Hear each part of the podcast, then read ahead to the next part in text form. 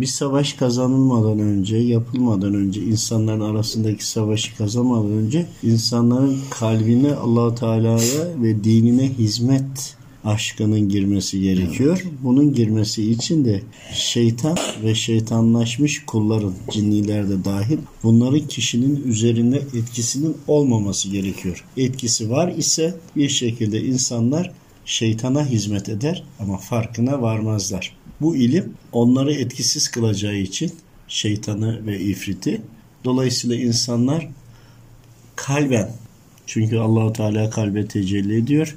Kalben Allah rızası için Allahu Teala'nın dinine hizmet ederse işte o zaman insanlar arasındaki bu savaşta kazanılır. Evet. Yani normal savaşın yapmanın öncelikle buradan geçtiğini söylüyor. Bunları almadan, temizlemeden ifritler, şeytan insanların zaten aklını, fikrini değiştiriyor. Safını değiştiriyor zaten.